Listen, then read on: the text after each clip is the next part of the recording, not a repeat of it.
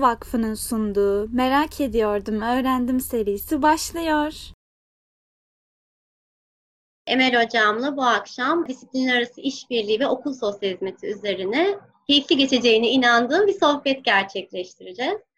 Hocam dilerseniz sosyal hizmetin ihtivası, kapsamı bunları biraz konuşalım. Ekip içerisinde okul sosyal çalışmacısı ne yapar? Çünkü tüm dünyada çok elusif anlaşılması biraz zor. Sınırları çok net değil. Biraz onlardan bahsedebilir misiniz? Sosyal çalışma mesleği gerçekten anlatmakta zorluk çektiğimiz bir meslek. Dediğiniz gibi kapsamı çok çok geniş. Ee, hani bunun içine birey de giriyor, grup da giriyor, toplumda giriyor ve tüm düzeylerde çalışma yapmak gerekiyor.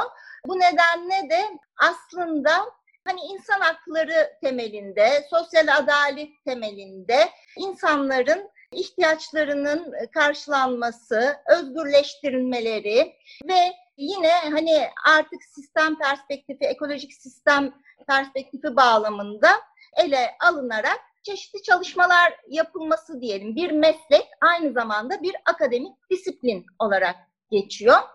Okul sosyal hizmet ya da okul sosyal çalışması dediğimizde de bunun içinde bir alan yani sosyal çalışma mesleğinin çalışma alanlarından birisi aslında okullarda uygulanan sosyal hizmet. Amacı bütün öğrencilerin eğitimsel potansiyellerinin en üst seviyesine ulaşmalarını sağlamak. Okullarda aslında hani doğrudan sosyal hizmet sağlayıcıları olarak çalışmıyor sosyal çalışmacılar. Öğrencilerin eğitimsel potansiyellerinin önünde engel oluşturan her türlü konu ve sorun kapsamı içine giriyor okul sosyal çalışmasının ya da sosyal hizmetinin. Bu nedenle de her türlü konu ve sorun alanına girdiği için bunun içinde yoksulluk da var, aile içi şiddet de var, çocuk istismarı da var, okul ikliminin olumlu hale getirilmesi de var, okul toplum bağlantısının sağlanması da var veya kurum bakımında olan çocuklar, özel gereksinimli çocuklar bunların hepsi de var. Biraz önce de söylediğim gibi amaca, okulun amacına ulaşmasına engel olan öğrencinin başarısının önünde, eğitime katılmasının önünde engel oluşturan her türlü konu ve sorun kapsamı içine giriyor. Şimdi böyle deyince bunun içine hani obezite sorunları da giriyor, LGBT'yi öğrenciler de giriyor dediğim gibi hani çok çeşitli şeyler giriyor. Peki biz bunu tek başımıza yapabilir miyiz? Bunu tek başımıza yapabilmemiz mümkün değil. Ee, okul sosyal çalışmasını tanımlarken de en çok bu nedenle üzerinde durulan ve vurgulanan konu disiplinler arası ekip çalışması içerisinde yapılması. Bunu özellikle vurgulamak isterim. Benimsenen yaklaşım da e, okul sosyal hizmetinde ekolojik sistem perspektifi. Aslında okul sosyal hizmetinde geçmişten günümüze 20. yüzyılın başlarında başlamış, 1890'lı yıllarda başlamış çeşitli yaklaşımlardan söz edilmiş. Hani bunların içinde klinik yaklaşımlar da var, genel sistem yaklaşımı da var. Ama son yıllarda benimsenen yaklaşım ekolojik sistem yaklaşımı. Ekolojik sistem yaklaşımı dediğimizde okulu da hem bir kendi içinde sistem hem de sistemin bir parçası olarak görüyor. Aynı zamanda bu öğrenci için de e, söz konusu. E, öğrenciyi birey olarak değil, etkileşimde bulunduğu sistemlerle birlikte ele almayı öneriyor ve böyle olması gerektiğini söylüyor. Yani öğrenci bir aile içerisinde aynı zamanda arkadaşları var, okul çevresi var, öğretmenleri var, mahallesi var. Tüm bunlarla etkileşim içerisinde değerlendirilmesi ve bu etkileşim noktalarına müdahale edilmesi üzerinde duruyor daha çok. Yani tek başına birey olarak bir çocukla çalışmaktan ziyade onun etkileşimde bulunduğu sistemlerle neler yaşanıyor, onların bağlamı neler, oradaki sorunlar, oralardan kaynaklanan sorunlar neler, bunlar üzerinde duruluyor daha çok. Şimdilik hani bunu söyleyebilirim. Çünkü hani okul sosyal çalışmacılarının görevleri de bu açıklama bağlamında şekilleniyor aslında. Hı hı. 20. yüzyıl dediniz hocam. Nasıl ortaya çıktı dünyada? Nerede? Türkiye'de durum nasıl? Bunlara ilişkin bir değerlendirme yapmanız mümkün mü? Tabii aslında 1890'larda 19. yüzyılın sonu 20. yüzyılın başlarında Amerika Birleşik Devletleri'nde benzeri görülmemiş bir göçmen akımı yaşandı ve bu çarpık kentleşme, yoksulluk, istihdam sorunları, bir türlü göçmenleri eğitime katamama, hepsini birden getirdi ve bu sorunu nasıl çözebiliriz, bunun altından nasıl kalkabiliriz diye çözüm aramaya başladılar. Bu nedenle de 1890'lı yıllarda aslında öğretmenlerle başladı. Yani öğretmenler ilk gönüllü sosyal hizmet sağlayıcıları olarak geçiyor sosyal hizmet literatüründe ve ziyaretçi öğretmenler olarak adlandırıldılar. Ev ziyaretleri yapmaya başladılar. Özellikle göçmen kesimlere, göçmen ailelere ve bir taraftan okula çocuklarının katılımı, devamı neden önemli bunları anlatırken bir taraftan da çocukların okuldaki durumları, onlara nasıl destek olabilecekleriyle ilgili aileleri bilgilendirmeye başladılar. Fakat bunlar yetmedi tabii ki. Çok da e, hani böyle faydası oldu ama okula katılımla ilgili bir takım yasalar çıkartmak gerekti. Ve bu nedenle hani okula katılım ve devamla ilgili yasal düzenlemeler de okul sosyal çalışmasının gelişimini çok etkiledi. Ama aynı zamanda çocuğun bireysel farklılıklarının eğitimciler ve diğer hizmet sağlayıcılar tarafından da tanınması da çok etkiledi. Şimdi şöyle sırayla gidecek olursak 1890'lı yıllarda ziyaretçi öğretmenlerle başladı demiştik. Daha sonrasında da 1923 yılında çocuk suçluluğunu önleme genel refah programı diye bir program oluşturuldu ve din sağlığı hareketi bunun arkasından geldi hemen. Bu çocuk suçluluğunu önleme genel refah programında aslında mahkemelerde istihdam edilen sosyal çalışmacılar okullarla işbirliği içinde ve aynı zamanda çocuk psikiyatri klinikleriyle işbirliği içerisinde çalışmaya başladılar ve bu arada bu 30 e, eyalette uygulanmaya başladı Amerika'da olumlu etkileri nedeniyle ve sosyal çalışmacıların okullarda bulunmasının, okul içinden takip edilmesinin kesintiye uğramadan çocukların bilgileriyle ilgili, iletişimle ilgili, güven sağlamayla ilgili ne kadar faydalı olduğunun görülmesiyle beraber önce 30 eyalette başlayan bu programın kapsamı genişletildi. Arkasından tüm herkesin bildiği 1930'lardaki büyük buhran geldi. Bu büyük ekonomik buhranda adeta kaynak sağlayıcı, aracılık yapıcı kişiler olarak çalıştı sosyal çalışmacılar. Muhtaç ailelere yiyecek ve barınak hizmeti sağlanmasından tut da ekonomik destek verilmesi, terapötik müdahalelerde bulunması tüm hepsiyle ilgilenmeye başladılar. Hatta internete girildiğinde e, çorba dağıtan, yemek dağıtan o dönemdeki sosyal çalışmacıların e, çeşitli görüntülerini görebiliyorsunuz. E, 40'larda da daha çok terapötik role yöneldiler.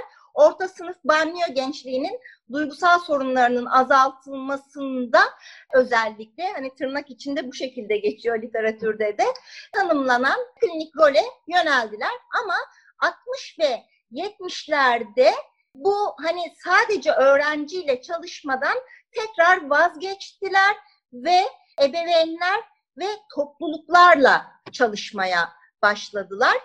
65'te de hani biraz önce söylemiştim ya öğrencilerin bireysel farklılıklarının kabul edilmesinden de çok etkilendi okullarda sosyal çalışmacıların istihdam edilmesi.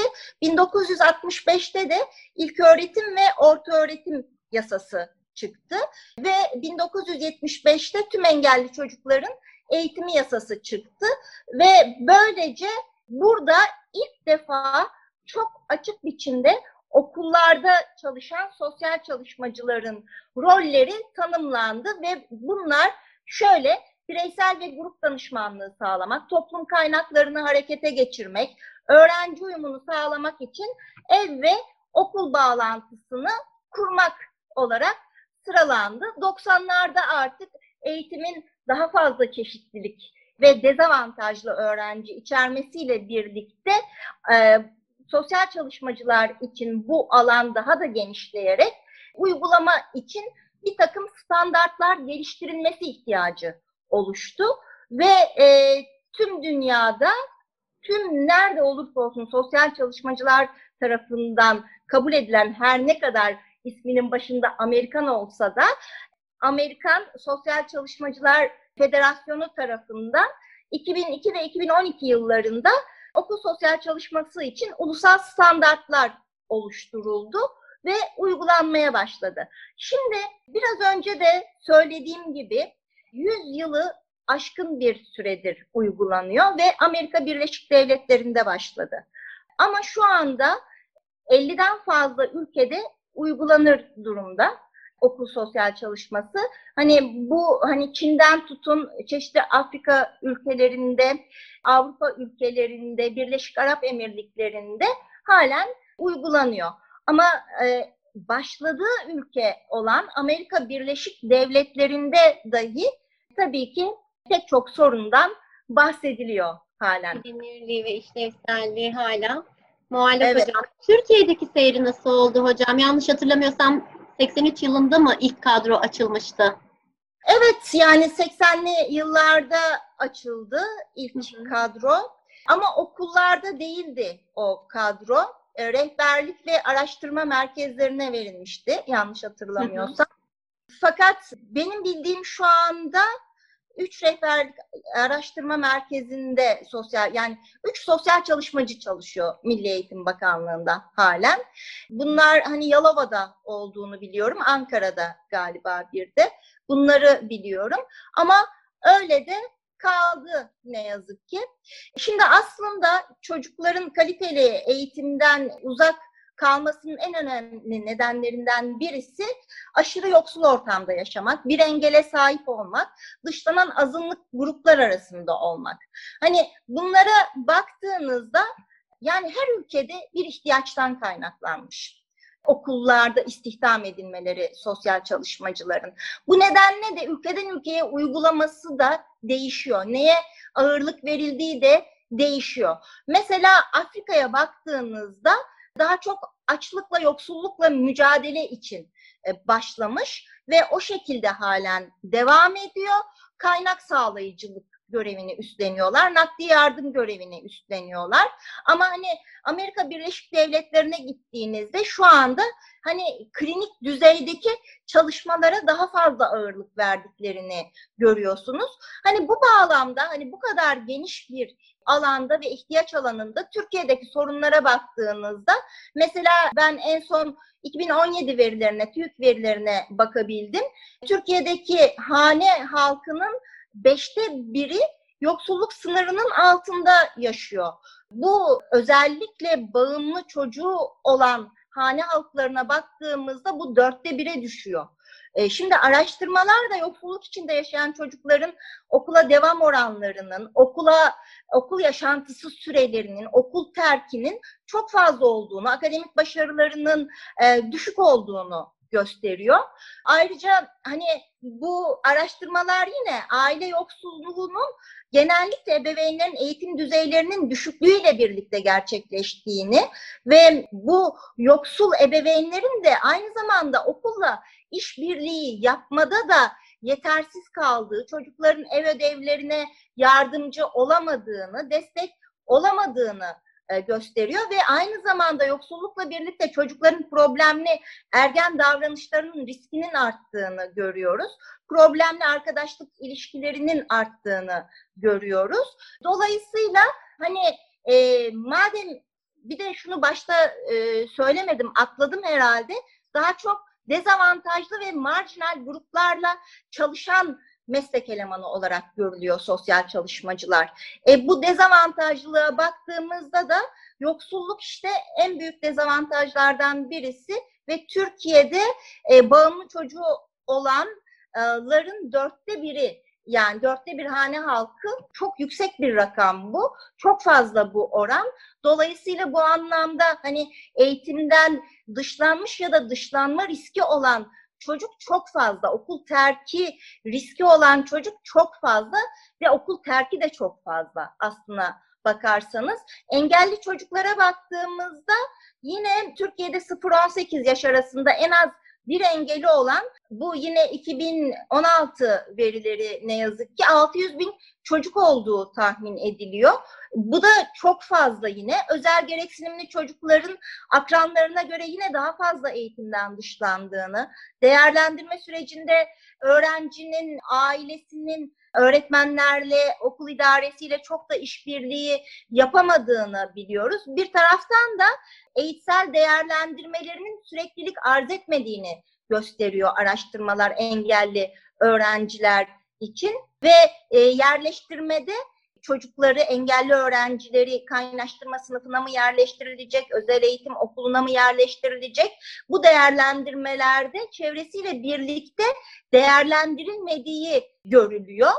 E, diğer taraftan da hani mültecilik, göçmenlik bunlar da öğrencilerin, çocukların okula katılabilmeleri, eğitime katılabilmeleri için çok önemli risklerden, sorunlardan birisi. Bugün içinde yaşadığımız durumu hepimiz biliyoruz. Suriye'den mülteci akımı olduğunu, göçmen akımı olduğunu biliyoruz ama bu daha çok konuşulan kısmı.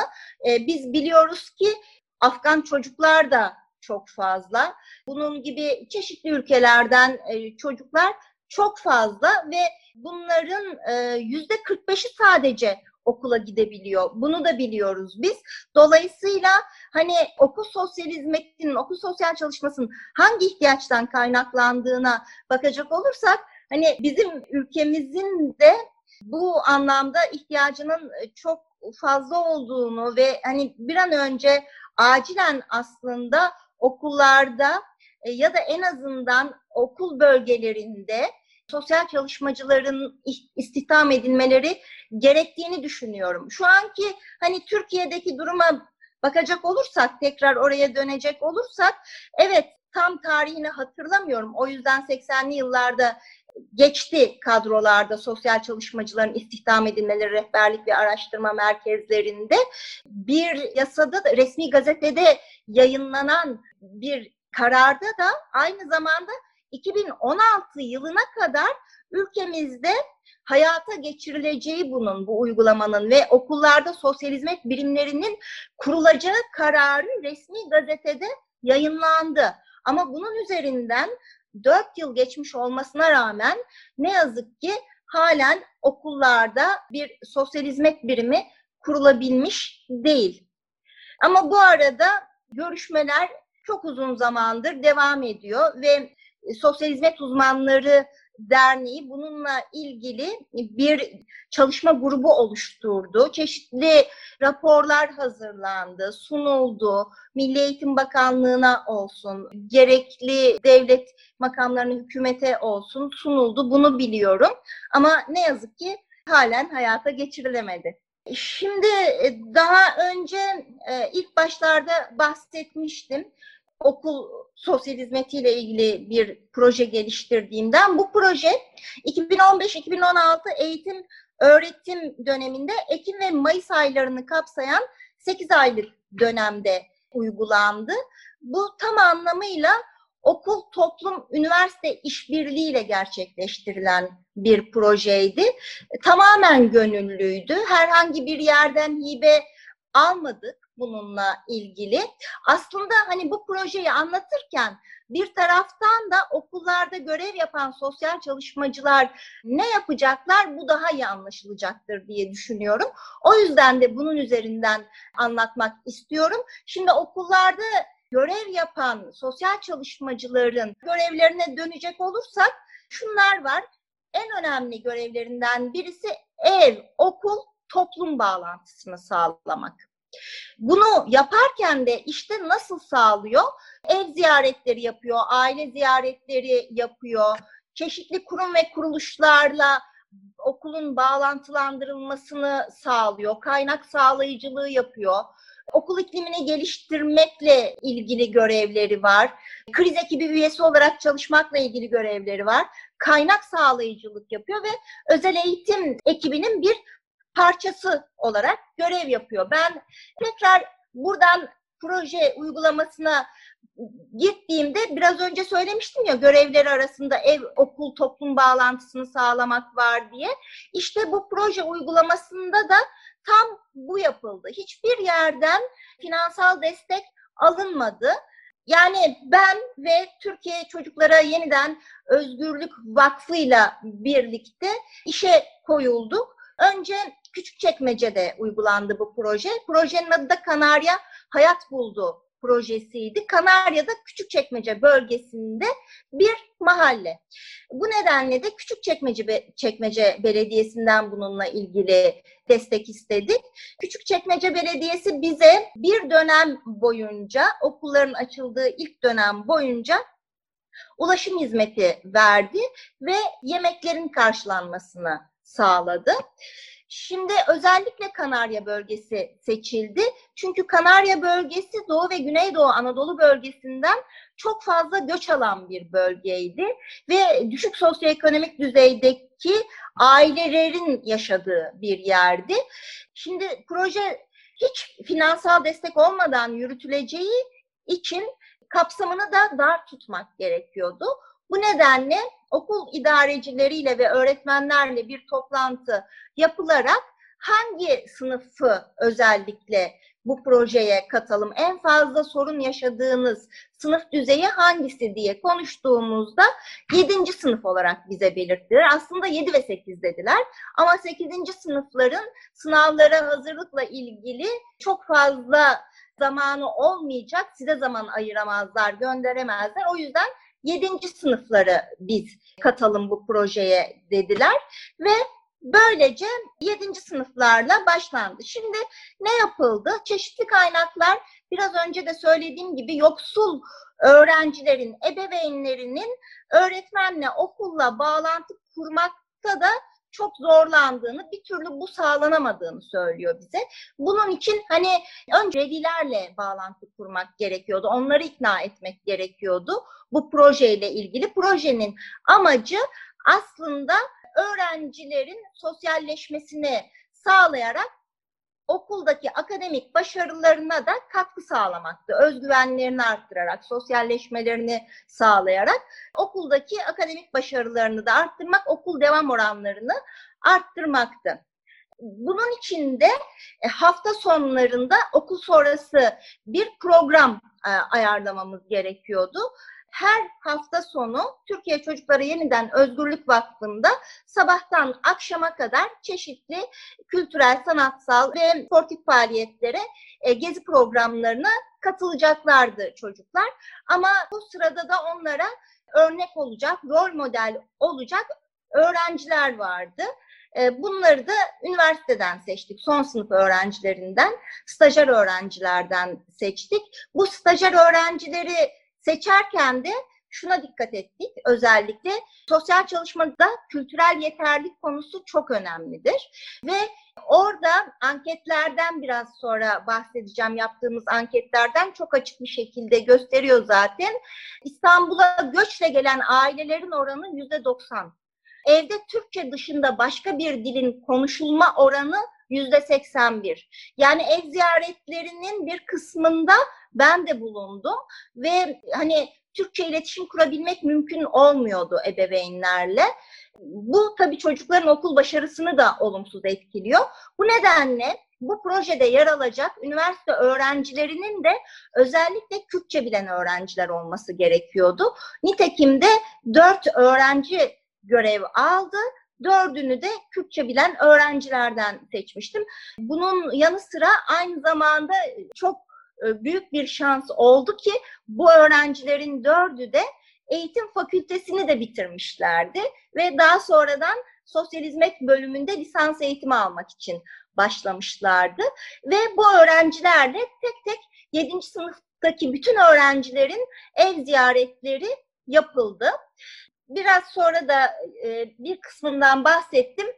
Bu ev ziyaretlerinde hem amaçtan bahsedildi. Hem hani çok ciddi acil müdahale edilmesi gereken sorunlar varsa onlar tespit edildi ve bir takım verilere sahip olduk biz. Şimdi bunlara tekrar gelecek olursak dikkat çekecek bulgulara İstanbul'a göçle gelen ailelerin oranı %90 demiştik. Güneydoğu Anadolu'dandı o mahallede. Yine çok yüksek bir rakam çocuk evliliği yapan annelerin oranı %42 civarındaydı. Çocuk anne olarak doğum yapan yani ilk doğumunu 18 yaşın altında yapan annelerin oranı yüzde 25'ti. Yani bunlar dediğim gibi çok fazla rakamlar ve bunların her birisi araştırmalarla da hepimiz biliyoruz okul terki için, akademik başarısızlık için risk faktörü. Bu risk faktörlerinin hepsi birden var burada. Şöyle devam ediyorum. Şimdi kimler ne yaptı? Hani ev, okul, toplum bağlantısı kuruldu dedik ya. Şimdi biz sosyal hizmet bölümü olarak hafta içi üç gün öğrenciler, veliler, okul ve diğer kuruluşlarla koordinasyonu sağlamak ve gerekli durumlarda bağlantı kurmak üzere, bağlantı kuruculuk yapmak üzere dört sosyal hizmet bölümü son sınıf öğrencisi görevlendirdik. Hafta sonu servis için iki etkinlikler için iki öğrenci görevlendirdik. Ayrıca projenin son dört aylık döneminde de yine ulaşımlarını sağladık. Yerel yönetim biraz önce oradan oraya geçiyor gibi oluyorum. Benim için çok heyecan verici ve sonuçları da öyle oldu gerçekten. Heyecan verici bir proje bu. Velileri etkileyebilmek için projenin başında ev ziyaretlerine başlamadan Küçükçekmece Belediyesi 500 kişilik yemek organizasyonu yaptı. Bir spor salonunda, bir okulun spor salonunda çocukların ailelerini de davet ettik ve 500 kişilik yemek verdik orada. Bu da ailelerle bağlantı kurulmasında e, çok iyi bir etken oldu. Bu etkili yoksul bölgelerde gerçekten de. Hani bu iletişimi kurmakta zorlanıyorsa hani yerel yönetimlerle veya başka bir şekilde daha küçük organizasyonlarda okulun belki olanaklarıyla başka bir şekilde hani böyle sizi çaya davet ediyoruz gibi etkinliklerle olursa bunu araştırmalar da gösteriyor ki daha fazla katılım oluyor. Türkiye Çocuklara Yeniden Özgürlük Vakfı her pazar günü 25 öğrenci ile bu 7. sınıflardan gönüllü olup ihtiyacı olan tespit edilen 25 öğrenci seçildi. 25 öğrenci ile atölye çalışmaları gerçekleştirdi. Türkiye Çocuklara Yeniden Özgürlük Vakfı aynı zamanda öğrenci gezilerini, sabah kahvaltılarını da e, yine yemekleri de verdi öğrencilerin proje bitiminde yazdığı mektuplar var bize. O mektuplar hani pek çok zorluk çektik aslında bu projeyi yaparken kaynağımız olmadığı için çeşitli yerlerde aksamalar yaşadık. Onları telafi edebilmek için çok çabaladık. Ama hani bu aldığımız mektuplar her şeye değdi ve daha sonrasında da gönüllü olarak kurumlar tekrar devam etti. Okul bunu istedi çünkü. Hani 25 öğrenci diyorsunuz ama bu 25 öğrenci kelebek etkisi yarattı adeta ve onları görenler, onların mutluluğunu görenler, onların gelişmesini görenler, veliler diğer çocuklar da gitsin istediler. Diğer çocuklar da onlar özel seçildiyse biz de seçilelim deyip davranışlarında düzelme oldu. Bu bizi gerçekten çok mutlu etti. Yani şöyle ben sadece birisini okumak istiyorum bu mektuplardan, öğrenci mektuplarından. Ee, şöyle diyor. Öncelikle Kadıköy'ü çok seviyordum. Oraya gittiğimden beri cesaretim yükseldi. Görmediğim ve gitmediğim birçok yere gittim ve her yerde çok eğlendim. Ayrıca derslerime de çok etkisi oldu. Derslerde parmak kaldırırken utanmıyorum ve korkmuyorum. Yanlış bir cevap veririm diye derslerde gayret ediyorum. Empatiye çok önem veriyorum. Artık oraya gidince birçok hareketim değişti ve ailem bundan memnun kaldı. Onlar da Kadıköy'deki ablaların ve ablaların yaptığı davranışları gösterdi. Empati kurabiliyorlar benimle. Bir süre sonra kardeşimi de götürdüm. O da çok beğendi ve kardeşim de Kadıköy'e benle geldiğinden beri bana çok saygı gösterdi. Ben de kardeşlerime daha iyi davranıyorum. E, şu ifade e, benim için ve herkes için gerçekten çok etkileyici. Oraya gidince insanlara hep iyilik yapasım geliyor. Çünkü onlar bize o kadar iyi davranıyor ki ben de başkalarına iyilik yapmaya çalışıyorum. Böyle ifadeler var. Bunun yanı sıra velilerin bir mektubunu okumak istiyorum. Aslında okumak istediğim o kadar çok şey var o kadar güzel ifadeler var ki geçerken aslında hani bunu da okumalıyım oluyor. Velilerden birisininkini okuyacağım. Çocuğum cilt kanseri olduğu için kendisini toplumdan soyutlamıştı. içine kapanmıştı. Etkinliklerle beraber sosyalleşti. Dışa dönük hale geldi. Doktoru da hastalığına iyi geldiğini, çok faydası olduğunu söyledi. Arkadaşlarıyla iletişimi düzeldi. Daha sosyal ve kendine güvenli diyor. Evet hani onlardan sadece dediğim gibi bir öğrencinin ifadesini ve bir ebeveynin ifadesini okudum. Ama hani proje bitimindeki değerlendirmeye baktığımızda annelerle yine tercüman aracılığıyla Türkçe bilenlerden yazma bilenlerden yazmasını istedik. Ama diğerleriyle tercüman aracılığıyla aldık bilgileri. Şimdi öğrenci görüşlerine göre kardeşleri ve arkadaşlarıyla bu projeye katılan öğrenciler daha çatışmasız iletişim kurduklarını, görevli öğretmenlerin ve mentor öğrencilerin kendilerine olan olumlu yaklaşımlarının kendilerini de benzer davranışlarını göstermek konusunda istek yarattığını, derslere katılım konusunda daha cesaretli olduklarını, daha önce hiç görmedikleri pek çok yer gördüklerini ve çok eğlendiklerini, eskisi gibi hafta sonlarında evde boş zaman geçirmekten sıkılmadıklarını belirtmişlerdir ve özellikle erkek öğrencilerin çoğu hani ebeveynlerde de bu ortak nokta ortaya çıktı. Öğrencilerin kendisi de söylediler erkek öğrencilerin artık küfür ve kavga etmekten sakındıklarını vurguladılar. Annelerle yapıldı görüşmeler. Annelerin görüşlerine göre de genel görüşler bunlar.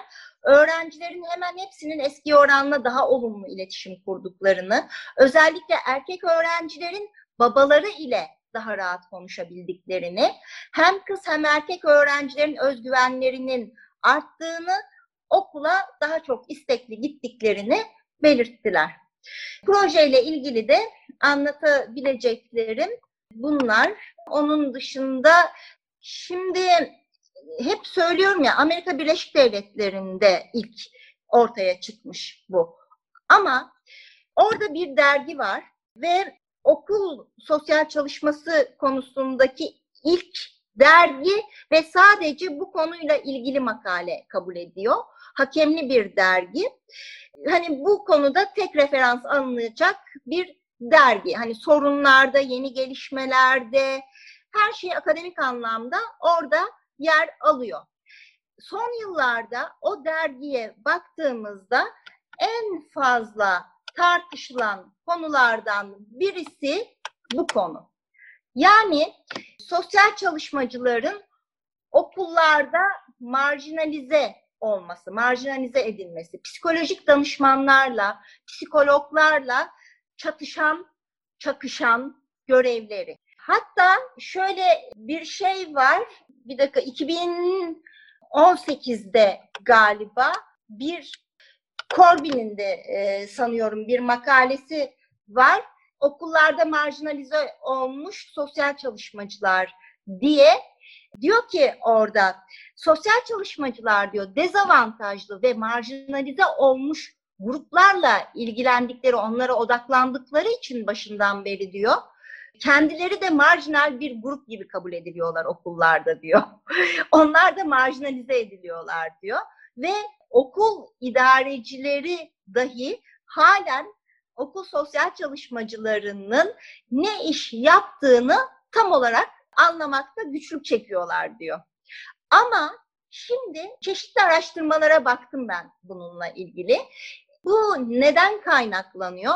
Israrla hani sosyal çalışmacıların okullardaki görevlerine baktığımızda evet hani mikro düzeydeki müdahaleler var klinik müdahaleler var. Bireyle çalışma, grupla çalışma. Ama sadece bunlardan uzak durun deniyor. Sadece bunları yapmaktan uzak durmalısınız. Siz asıl etkileşim noktalarına müdahale etmelisiniz deniyor. Bu etkileşim noktaları da ne? Aileyle etkileşimi, e, öğretmenlerle etkileşimi, okulla etkileşimi, toplumla etkileşimi. Siz diyor bağlantı kurucu, kaynak sağlayıcı, hani daha çok bunlara yönelin diyor. Şimdi araştırmalar gerçi yurt dışındaki araştırmalar hani psikolojik danışmanların da ya da psikologların da hani sosyal çalışmacıların bireyle ve grupla çalışmasından çok da şikayetçi olmadıklarını göstermiş. Oradaki araştırmalar hani Türkiye'de olsaydı nasıl olurdu onu bilemiyorum henüz başlamadı bile çünkü ama psikolojik danışmanların ve psikologların e, daha çok değerlendirmeye yönelmek istediklerini bu nedenle de hani bireyle çalışmada, grupla çalışmada sosyal çalışmacıların da yer almasından rahatsızlık duymadıklarını gösteriyor.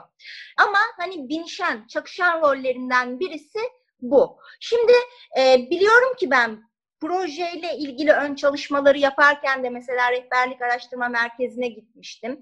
Psikolojik danışmanlarla görüşmelerim olmuştu. Bir kesimin çok fazla tepki gösterdiğini biliyorum. Yani bizim alanımıza girecekler, bizim işimizi elimizden alacaklar. Hani sizin ne işiniz var burada bunları söylüyorsunuz ama biz zaten yapıyoruz diye. Aslında bunun yolu evet gerçekten var binişen çakışan yönleri ama sosyal çalışmacıların bana kalırsa gerçekten hani bu ev, okul, toplum bağlantısına yönelmeleri, kaynak sağlayıcılığa yönelmeleri ve okul bağlantılı hizmetlere daha çok yoğunlaşmaları çok daha böyle birbirini destekleyen tam bir ekip çalışması içinde çalışmayı sağlayan bir durum olur diye düşünüyorum. Zaten hani başlangıcına baktığımızda da daha çok okul bağlantılı hizmetler şeklinde başladığını görüyoruz. Hani en başta tarihçesini anlatırken demiştim ki mesela çocuk refahı programı diye bir program. Aslında bir proje o, dev bir proje. 30 eyalette birden başlatılmış çocuk suçluluğunu önleme, çocuk refah programı, ondan sonra zihin sağlığı programı. Bunlar hep dev projeler. İşte bunlar okul, toplum, üniversite işbirliğiyle oluşan projeler ve bunlar nedeniyle zaten kabul görmüşler. Çok ihtiyaç var denmiş. Ondan sonra artık okullarda da kadrolar açılmış, istihdam edilmeye başlanmış. Ama şu anda hani e, biraz önce de söylediğim gibi 50 ülkede, 50'den fazla ülkede hatta uygulanıyor bu. E, sosyal çalışmacılar için okullar bir çalışma alanı. Ama her ülkede farklı uygulanıyor. Onu da söyleyebilirim. Çünkü her ülkenin ihtiyacı farklı, öne çıkan sorunları farklı, kapasitesi farklı, kaynakları farklı. O nedenle hani ne öne çıkıyorsa belki e, ona göre bir gelişme seyri izliyor meslek. Onu söyleyebilirim. Ama ben şunu söylemek isterim. Hani bir söz var ya Amerika'yı yeniden keşfetmenin alemi yok diye. Hani madem böyle bu kadar açık, bu çakışan, binişen roller var. Hani halen daha rollerinin, görevlerinin anlaşılamamış olması Amerika Birleşik Devletleri'nde bile var. O zaman hani başlayacaksa da bunu baştan doğru oturtmak gerekiyor diye düşünüyorum ve hiç bu çatışmalara gerek olmaksızın sosyal çalışmacıların hani ev ziyaretleri, ev okul toplum bağlantısını kurma, işbirlikleri oluşturma kaynak sağlayıcılık şeklinde tanımlanmalı, buna yoğunlaşılmalı diyorum. Yapamazlar demiyorum diğerini. Çünkü o eğitimi alıyor sosyal çalışmacılar. Bireyle çalışmayı, grupla çalışmayı, toplumla çalışmayı alıyorlar. Uygulamalarını da yapıyorlar. Ama hani böyle hani amaç toplumun kalkınması, öğrencilerin gelişmesi yani bu nedenle de en iyi nasıl yapabileceksek onu yapmak için kolları sıvamak lazım. Yani kimsenin diğerine, diğer meslek elemanına köstek olmaması ve birlikte gelişmesi, öğrencileri de, çocukları da, okulu da, aileleri de, toplumu da birlikte geliştirmesi gerekiyor. Böyle demişken bazen bazı terimler var ki Amerika Birleşik Devletleri'nde kullanılan bununla ilgili. Yani okul ortamında sosyal çalışma diyorlar, okul temelli sosyal çalışma diyorlar, okul bağlantılı sosyal hizmetler diyorlar, sosyal hizmetler diyorum özellikle. Çünkü hani sosyal hizmetlerle sosyal çalışma da farklı veya e, bunun uygulandığı yerlere bazıları da tam hizmet okulları diyorlar. Niye tam hizmet okulları diyorlar? Çünkü okulların aynı zamanda toplumu geliştirme görevi var. Dolayısıyla bazı bölgelerde okullar 24 saat hizmet veren canlı birimler olarak görev yapıyor.